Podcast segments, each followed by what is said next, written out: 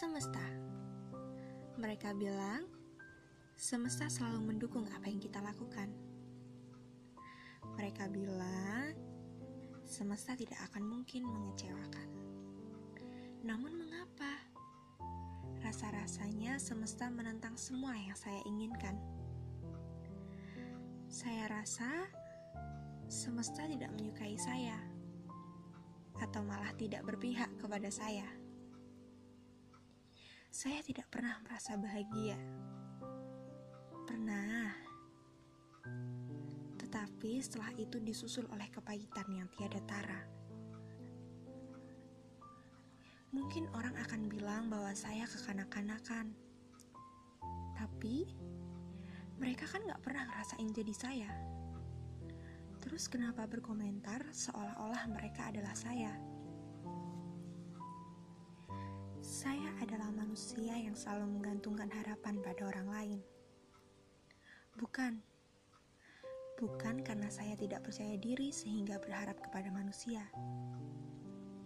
Tapi malah karena saya mengenal diri saya sendiri. Maka saya mengambil keputusan untuk menggantungkan harapan kepada orang lain. Anggap saja saya bodoh. Karena dari awal saya tahu manusia itu datang dan pergi. Ada saatnya pertemuan indah yang tak bisa dilupakan, dan perpisahan yang meninggalkan luka amat dalam. Ya, saya bodoh karena lagi-lagi menggantungkan harapan pada manusia, makhluk hidup yang saya tahu terbatas. Manusia tidak selamanya membuat kita bahagia, tapi entah mengapa saya rasa butuh manusia di sisi saya. Lagi-lagi saya terjatuh karena ekspektasi saya sendiri. Saya tahu hidup saya kacau. Bagai jatuh lalu tertimpa tangga, orang yang saya pikir dapat menyembuhkan luka malah kembali menorehkan rasa perih yang lebih dalam dari sebelumnya. Saya ingat betul saat dia berkata, saya tidak akan meninggalkan kamu. Dan saya percaya itu. Karena lagi kata dia, walau kita sebatas dunia maya, saya akan berusaha menjumpaimu hingga di dunia nyata. Dan lagi, saya percaya begitu saja.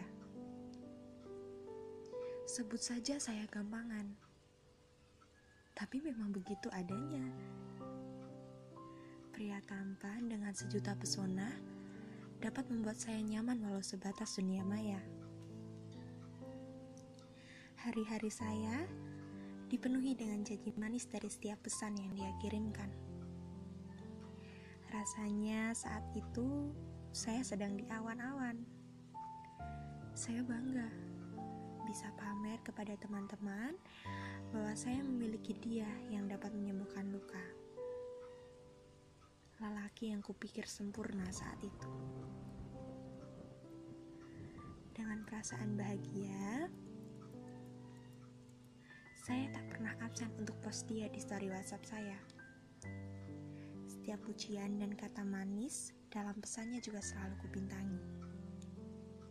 Bahkan, sampai saat ini, fotonya masih memenuhi galeri. Hingga semesta menarik dia menjauh dari saya. Pergi, entah ke mana. Bahkan satu kabar pun tak saya dapatkan. Saya khawatir. Saya memikirkan dia. Dan saya tidak pernah berpikir macam-macam. Sebab yang saya tahu, dia mencintai saya. Lagi-lagi, saya bodoh Tiga bulan kemudian dia datang. Saya senang, sangat amat senang. Rasanya pikiran buruk tertepis begitu saja. Penantian saya berujung manis, pikir saya. Namun sayang, dia memang datang dengan pendampingnya, yang pasti bukan saya. Dia bilang membutuhkan sosok yang bisa ditemui, bukan hanya melihat foto di galeri. Dia bilang butuh sosok yang bisa dirangkul, bukan hanya sebatas chatting tak bermutu. Saya jatuh, sangat jatuh. Lagi-lagi hati saya tak bisa diajak berkompromi. Dari awal, saya sudah berusaha membatasi diri untuk tidak terlalu dalam, karena berkaca pada kejadian sebelumnya. Namun, lagi-lagi semesta mempermainkan. Semesta membuat saya jatuh terlalu dalam terhadap dia, membuat saya menggantungkan semua harapan hidup saya kepadanya. Namun sayang, saya kecewa pada ekspektasi saya sendiri. Tidak ada lagi pesan selamat pagi yang manis.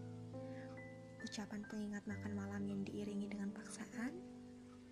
Tidak ada lagi video call tengah malam hingga berjam-jam. Semua sirna begitu saja. Saya sudah pernah menduga ini. Tapi kenapa ya? Rasa sakitnya tetap sama rasa perih dan menyalahkan diri sendiri tetap ada. Apa saya tidak layak bahagia? Saya tidak akan pernah bisa menemukan seseorang yang benar-benar menetap, bukan hanya datang dan pergi dalam sekejap? Tolong, tolong ajarkan saya bagaimana caranya mengikhlaskan. Bagaimana caranya mengontrol pikiran saya sendiri untuk tidak menyalahkan semesta. Rasanya di sini, di hati saya, ada dua kubu yang bertolak belakang. Kubu yang sama-sama kuat dan berusaha saling menjatuhkan. Hingga saat ini, saya berjanji, saya akan belajar bangkit sendiri tanpa topangan manusia lain. Untuk kamu yang merasa laki-laki itu, saya ingin mengucapkan terima kasih dan sampai jumpa. Terima kasih. Terima kasih pernah singgah pada perempuan yang tak sempurna ini. Walau setelahnya kau menemukan yang lebih sempurna. Kita memang tak pernah jadi. Tapi kita pernah saling peduli.